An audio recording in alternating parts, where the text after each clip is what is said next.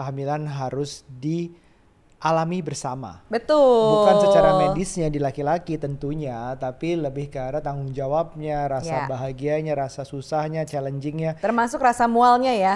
Ketika mens terjadi dan pada saat itu lagi program, wah udah deh sedihnya sedih banget kayak bisa nangis seharian mewek gitu kayak dan selalu bertanya-tanya. Penting untuk laki-laki tahu bahwa masalah tuh mungkin banget banget terjadi di laki-laki juga. Di laki-laki yang kelihatannya sehat. Kayak sebulan sekali kita setiap mens ya udah kita ngobrolin berdua sedih bareng-bareng, Nucha nangis, gue harus pura-pura nggak sedih biar lebih kelihatan kuat gitu.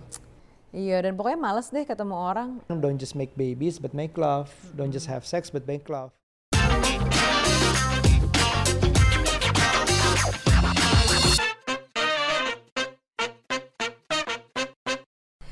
Halo parents, kembali lagi bersama kita di podcast Curhat Babu, curhatnya Bapak Dak Ibuk.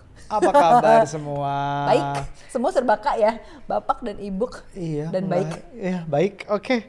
Um, kita sendiri uh, di sini baik baik-baik saja. Semoga teman-teman baik semua ya. Dan um, kita mau cerita adalah hari ini tentang pengalaman kita hamil. Yes, kita hamil buka, bukan sekarang. Maksudnya waktu hamil pertama adalah kita hamil. Kenapa gue nyebutnya kita hamil? Karena gue percaya kehamilan harus dialami bersama. Betul. Bukan secara medisnya di laki-laki tentunya, tapi lebih ke arah tanggung jawabnya, rasa Ya. bahagianya, rasa susahnya, challengingnya. Termasuk rasa mualnya ya. Nggak bisa. Harus ditanggung bersama. Gimana caranya aku menanggung rasa mualnya? Ya kamu cukup kayak meladeni segala macam uh, Oh, kebeemanku iya. ya Jadi kan. atau nggak di saat Karena ngidam. lagi keluar mualnya itu aku temenin gitu ya, pegangin Betul. rambutnya gitu ya. Betul, apa kayak Hmm, gitu ya biar kan? kerasa banget memang. Iya, nah Baik. mungkin kalau untuk uh, pemirsa atau pendengar atau penonton uh, curhat babu yang sekarang kan ngelihatnya Ya. kita tuh udah nikah dan punya anak sekarang memang anak dua usianya 6 dan 4 tahun Hmm, terus? rasanya kayak yang terlihat tuh kan yang baik-baik saja yang oke-oke aja Ya. padahal sebenarnya mungkin anda-anda ini ketinggalan dengan cerita kita di tahun-tahun sebelumnya Iya, gitu. jadi ada satu blog spot atau blog gue yang cukup saat itu cukup viral, bentuknya dalam masih dalam bentuk tulisan tentunya, karena udah lama sekali sekitar enam tahun lalu. Ya. Nah, itu bercerita tentang akhirnya kita hamil. Kita berusaha selama tiga tahun, dua setengah tahun lah ya, dua tahunan sesudah menikah. Iya. Tapi sebelumnya ceritanya gue uh, di pernikahan yang sebelumnya juga uh, susah, sulit Mhm. dikaruniai anak. Makanya panjang ceritanya itu buat gue pribadi. Di saat mau menikahi Nuca, udah cerita nih masalah ini. Nuca, uh, eh, bukan Bu ya manggilnya dulu. Dulu manggilnya apa? Lupa? Lupa, oke. Apa ya? Beb, beb enggak ya? Ya. Enggak ya, beb. Oke, bukan. Jadi uh, langsung bilang ke Nuca bahwa eh aku ada masalah ini. Jadi langsung terbuka, kita nggak usah tunggu-tungguan, udah langsung kita program. Betul. Dan eh, dan pada saat program-program ini adalah hal-hal yang memang wah aku sih banyak belajar banget ya dari secara teknis, dari segala budgetingnya, Benar. dari segala emosinya itu tuh kayak kecampur banget. Tapi banyak sekali mengajarkanku tentang arti eh, seorang anak gitu. Benar. Jadi kita tuh berjuang untuk mendapatkan atau sampai hamil gitu. Memang prosesnya panjang, tapi yang pertama nih kita bahas dulu deh dari soal Ceritanya. apa nih? Dari ceritanya apa ya. aja yang kita lakuin mungkin karena Oke. di sini pasti yang banyak juga yang mungkin bukan banyak ada beberapa mungkin yang uh, lagi berusaha juga jadi siapa tahu cerita kita berguna gitu Ya ya ya ya. Nah aku tuh sebenarnya udah hunting zaman dulu tuh ya akun parenting tuh nggak banyak. Terus kayaknya memang eh, cerita soal pasangan yang belum hamil itu jarang banget sejarang itu. Bahkan pada saat itu rasa-rasanya kayak masih tabu gitu ya kayak pasangan belum Iya. punya anak tuh Betul. kayak nggak ada temen gitu loh. Tapi jadi aku browsing-browsingnya dari dari dari kayak Google mencari misalnya dokter ahli fertilitas atau dokter spesialis eh, apa bayi tabung waktu itu. Terus IVF, IVF atau hal-hal kayak gitu. Jadi by googling aja. Nah eh, dari cerita-cerita orang memang banyak di forum-forum di milis-milis Oke. katanya dokter ini dokter itu. Ya udah deh. Akhirnya aku coba cari-cari berdasarkan dari googling tadi. Eh, ada nih beberapa nama dokter di daerah Jakarta yang memang kayaknya jago alias spesialis untuk fertility ini kesuburan gitu dan aku juga jadi baru tahu bahwa setiap obgyn atau dokter kandungan itu ada apa ya spesialisasinya beda-beda. Memang ada yang spesialisasinya untuk janin gitu ya. Tapi ada juga yang itu tuh feto maternal kalau nggak salah. Terus ada lagi dokter obgyn ya spesialis eh, fertility. Jadi kalau teman-teman mau datang ke dokter, coba perhatikan obgynnya tuh ada gelarnya yang beda sesuai dengan spesialisasi mereka. Ada yang obgyn aja, ada yang SPKF apa yang ahli fertility, ada yang feto maternal tuh khusus udah hamil gitu ya janin.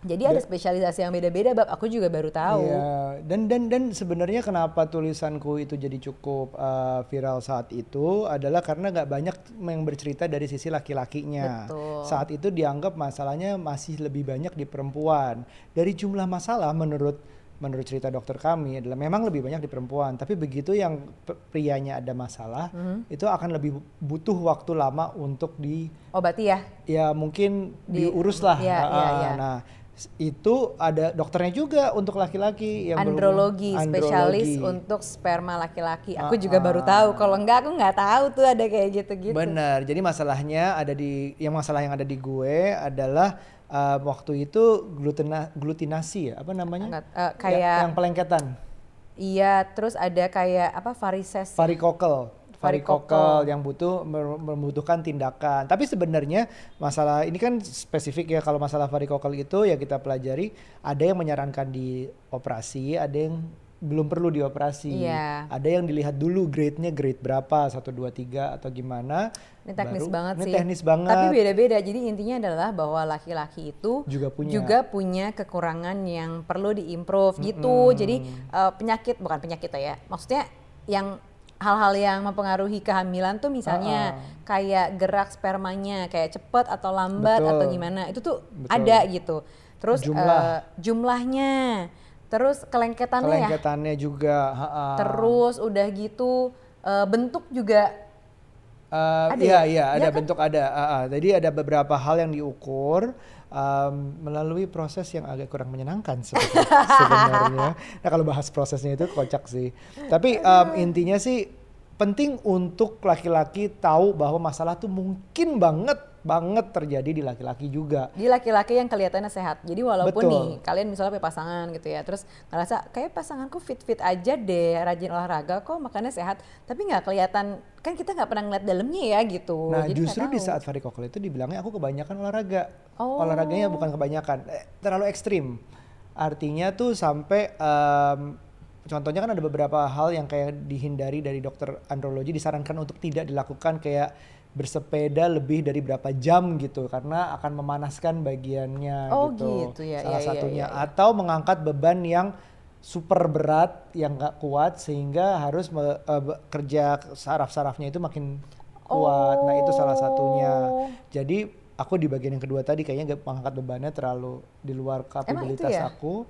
Terus akibatnya ya udah harus ditindakan dan nggak boleh olahraga selama tiga minggu ya kalau nggak salah ya. lupa aku sampai memang ada operasi juga ada tindakan itu gitu ya, tapi nggak lama, cuman kayak satu hari habis itu Iya pulang. nggak kok. nginep bahkan. Ah, ah. dan eh, kalau di aku sendiri memang sebenarnya udah menyadari dari masa-masa sebelum nikah juga kalau menstruasi tuh eh, nggak teratur. Jadi aku bisa skip satu bulan, terus mundur mulu gitu. Jadi Sebelum nikah ya, sebenarnya itu dari sebelum nikah itu dari sebelum nikah. Aku udah aware itu, tapi aku pikir itu nggak terlalu bermasalah karena aku lihat tapi orang lain juga kayak gitu, tapi hamil-hamil aja tuh gitu. Iya. Jadi ternyata ya beda-beda lah ya.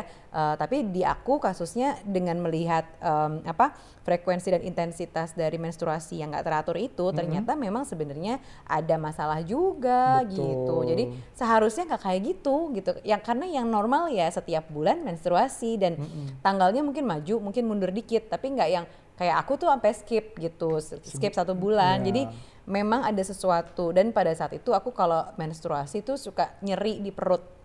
Nah, nyeri di perut ini sebenarnya ternyata aku baru tahu dari para dokter, nyeri di perut itu sebenarnya adalah pertanda bahwa ada sesuatu gitu. Karena normalnya memang ada rasa nyeri tapi nggak terlalu gimana-gimana. Nah, Hmm. bahkan uh, aku dengar cerita temanku juga ada yang sampai kalau menstruasi itu bener-bener bed rest. Nah, itu yang perlu dicek gitu. Ini nggak usah denial atau gimana karena memang it happens gitu dan nggak apa-apa kalau emang kalian mau mencari tahu diri kalian kenapa atau kira-kira ada masalah. Ya ya memang itu tuh pasti ada hubungannya dengan reproduksi karena menstruasi itu kan berhubungan Betul. dengan fertility gitu. Berhubungan Jadi hormon juga ya. kalian kalau misalnya emang belum nikah atau baru nikah gitu ya dan ngerasa kok gue belum punya anak atau gue mau punya anak tapi dengan siklus menstruasi yang berantakan kayak tadi dan rasa nyeri yang berlebih pada saat menstruasi aku bisa bilang bahwa mungkin itu ada yang perlu dicek aku Iya, nggak iya, bilang iya. itu ada ada Pasti sesuatu ada pasti atau bisa- ada sakit bisa ya gitu. nggak tapi boleh dicek aja gitu kan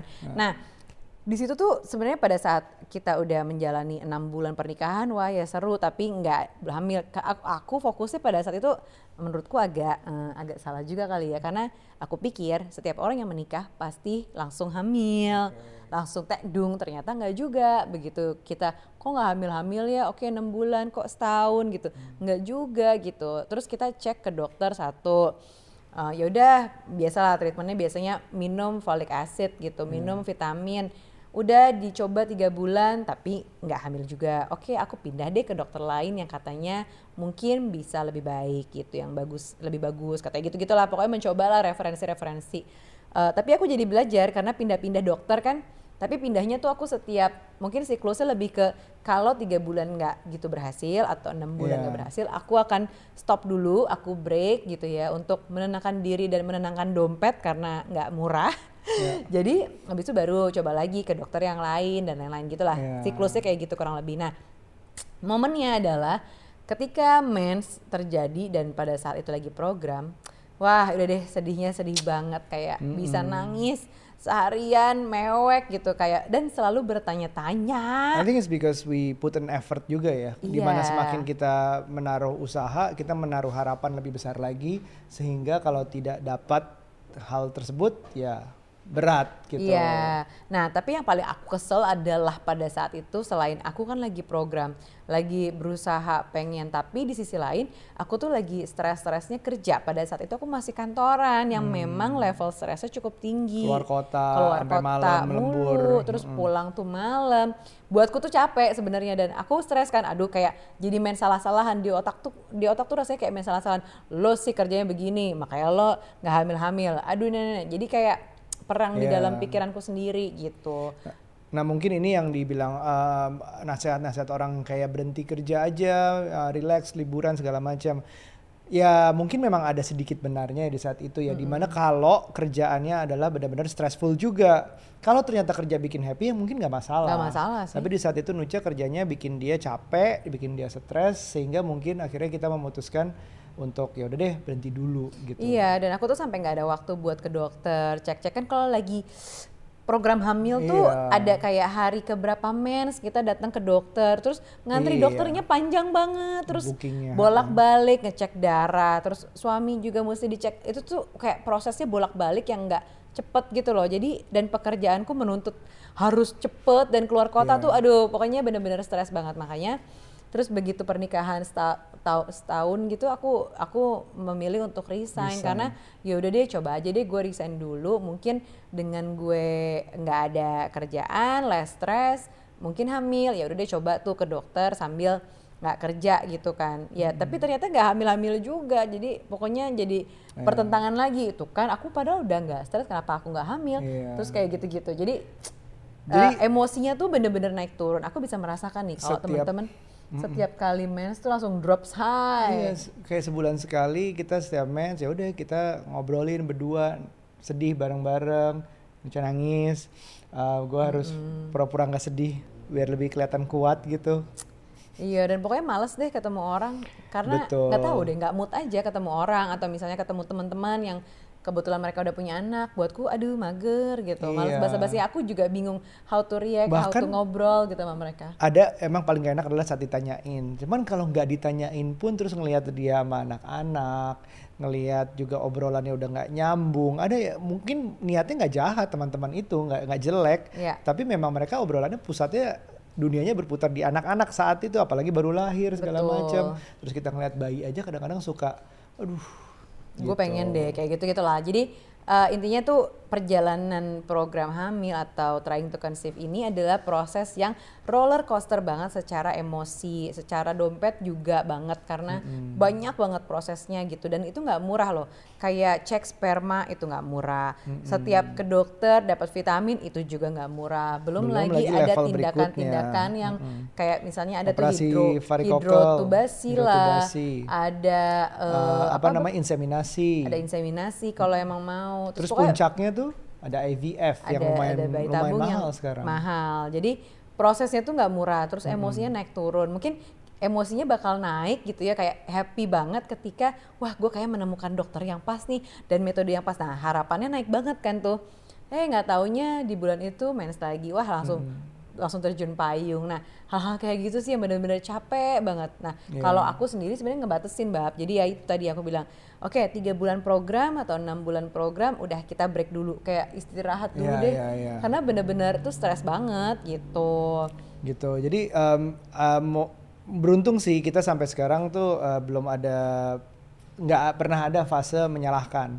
Soalnya eh, mungkin saat itu kita jalaninnya bareng jadi ke dokternya bareng eh, segala macam tindakan saling menemani sehingga tahu dua-duanya tuh udah usaha dan dua-duanya udah terbuka dari awal masalahnya apa sehingga nggak ada yang kayak ini gara-gara kamu nih atau mungkin lebih berat lagi adalah gara-gara menyalahkan diri sendiri gue tuh nggak sempurna gue tuh apa Iya. saat itu mungkin itu ya yang kita rasain. Nah, yang terjadi yang kenapa akhirnya kita bisa, which is gue nggak bisa menjelaskan persisnya kenapa sih. Gue yakin ini pasti karena rentetan usaha yang kita coba jadi satu. Tapi ada momen menarik lagi ya saat do- dokter terakhir kita, jadi dari cerita Nucha tadi kita sambungin, um, kita akhirnya tuh kayak eh, lama kelamaan tuh membuat proses pembuatan anak ini yang harusnya making love bercinta tapi lebih ke arah making babies. Ngerti nggak bedanya? Jadi berusaha uh, tindakan yang harusnya didasari oleh cinta yaitu seks uh, cinta kasih sayang segala macam itu pikirannya adalah oh tanggal segini lagi subur harus lakuin. Kita abis ini kita coba yuk kita tunggu. Terus gagal. Jadi it's like a- kayak kayak apa ya? Jadi kayak sesuatu keharusan suatu paksaan demi hal yang harusnya bercinta tuh harusnya lebih sakral lagi daripada cuman bikin anak cuman dalam tanda kutip. Tapi dokter kita bilang waktu itu don't make babies make love gitu Iya, jadi nggak perlu ngitung-ngitung tanggal gitu. Jadi lo tuh lebih happy. Nah, emang Iya. supposed to be like that gitu. Kalau untuk proses punya anak terus iya juga ya ke mana aja ya gue gitu. Nah, Iya. tapi kita pun juga menemukan dokter ini juga melalui perjalanan-perjalanan dari testimoni Iya. dan lain-lain sih dari pengalaman teman, sharing sesama yang seperjuangan gitu ya sampai akhirnya menemukan dokter ini. Dan eh, memang kalau ditanya kenapa sih nggak di Jakarta aja prosesnya kita gitu juga karena belum cerita loh kita di luar Jakarta Oh iya belum cerita ya. Tadi tuh dokter yang terak- paling terakhir adalah di Penang atau Ah, ah. Pineng ya kalau orang bilang Pineng di Malaysia. Eh, itu juga karena pertimbangan beberapa teman sih rekomendasi Hmm. dan di tahap kita sampai ke luar negeri itu sebenarnya lebih kepada eh, segala proses kita udah coba di Jakarta Hmm. dengan beberapa dokter proses ario operasi aku udah dua kali kita hidrotubasi dan udah pernah inseminasi sekali juga kan Ya, dan gagal. Terus eh, udah gitu proses apa lagi ya? Oh, proses itu kita eh, apa Beb? oh ya, Alergi. imunoterapi. Imunoterapi juga kita lakukan. Jadi, ini uh, satu teori yang mengatakan bahwa sel darah putih, eh sorry, badan Nucha itu menolak spermaku. Jadi uh, dianggapnya itu benda asing yang Alergi masuk, lah. alergi, anggapannya terus dibunuh-bunuhin lah kasar itu kayak gitu. Nah terapinya adalah mengambil darah dari gue, ambil sel darah putihnya, disuntikan ke Nucha secara rutin terapi gitu, setiap tiga minggu kalau nggak salah. Nah itu juga udah kita lakukan, jadi udah banyak banget yang kita lakukan. Kita begitu ke Pineng bukan berarti ini dokter tuh solves every problem, enggak Ya. juga. Nah di saat di ujung dokter udah bilang kayak gitu, don't just make love. Eh sorry, dokter juga udah bilang don't just make babies but make love, don't just have sex but make love. Terus akhirnya ya udah kita pulang dulu, kita renungin. Tadinya ya udah deh kita mau inseminasi di sana. Satu dan lain hal kita dibilang eh, waktu itu kebetulan ada kawinan saudara yang kita sebagai panitianya. Ya udah kita batalin jadwal inseminasi dulu deh, kita tunda. Terus ya udah jalanin yang ada itu tanpa direncanakan tiba-tiba sebelum itu kita hamil. Iya, jadi memang uh, buat aku pada saat itu adalah tahapan kalau gue udah sampai ke luar negeri ini uh, adalah mungkin jalan terakhir karena hmm. proses apa namanya udah pol-polan tuh kayak uh, area operasi yang tadi tuh ya urutannya dan uh, kalau misalnya belum hamil juga oh ya udah berarti memang kita tuh belum dikasih jalan buat -hmm. punya anak gitu jadi kayak Betul. lebih lo mencoba untuk lebih legowo sih lebih yeah. lebih apa ya lebih nerima karena sebelum sebelumnya tuh menurutku usaha usaha usaha keras gitu jadi. Ya. uh, ada baiknya memang di tahap awal usahanya itu sih harus selalu dipertahankan ya mencari cara gitu dokter mana apalagi nih apalagi nih yang kita pelajari karena banyak banget loh persoalan di dalam infertility yeah. ini dan kamu juga perlu tahu sampai di titik mana untuk uh, stop berusaha dan menerima keadaan gitu. Jadi yeah. aku udah pas dari Penang itu bab aku menurutku udah ini bener-bener cara gue terakhir gitu. Dan menurut dokter gue tuh nggak kenapa-napa gitu dan yeah. kamu juga kenapa-napa makanya udah terus beres, gitu ya. berarti ya. kan kalau udah dinyatakan nggak kenapa-kenapa oh ya mungkin belum ada aja puasa dan, yang lebih uh, aja betul gitu.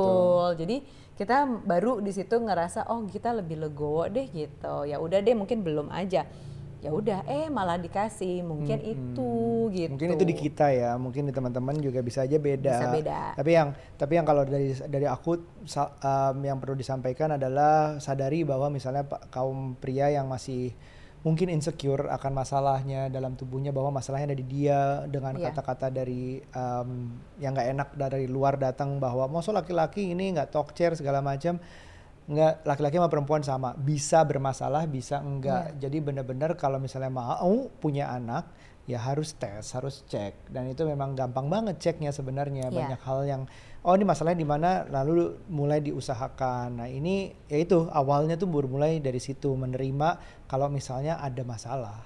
Betul. Dan kalau dilihat-lihat sih sebenarnya memang ujung-ujungnya adalah acceptance. Menerima hmm. dengan keadaan itu tapi sudah dilalui dengan proses yang menurut kamu udah pol ya. ya, ya Jadi ya. jangan bilang kamu bisa acceptance tapi kamu nggak usaha apa-apa. Hmm. Menurutku tuh juga ya harusnya kan usaha dulu gitu. Ya. Karena pasti nih ya menurut aku aja, menurutku uh, Tuhan itu pengen lihat sampai di mana sih usaha, usaha kita sama pasangan buat dapetin yang kita mau gitu kan. Hmm. Uh, kekompakan lah, menguji kesabarannya lah, terus dan lain-lainnya gitu. Dan kalau udah sampai menunjukkan usaha yang sampai pol baru deh di situ kamu boleh acceptance dan uh, yeah. lebih nerima tentang ini gue pakainya udah usaha ya kalau setelah apa pun yang terjadi setelah ini adalah mungkin yang terbaik buat kita mau hamil kayak mau nggak hamil ya berarti nggak apa-apa mungkin seperti itu gitu kan uh, apa namanya jalan hidup gitu mungkin yeah. nantinya akan dipertemukan lagi atau ada cara-cara lainnya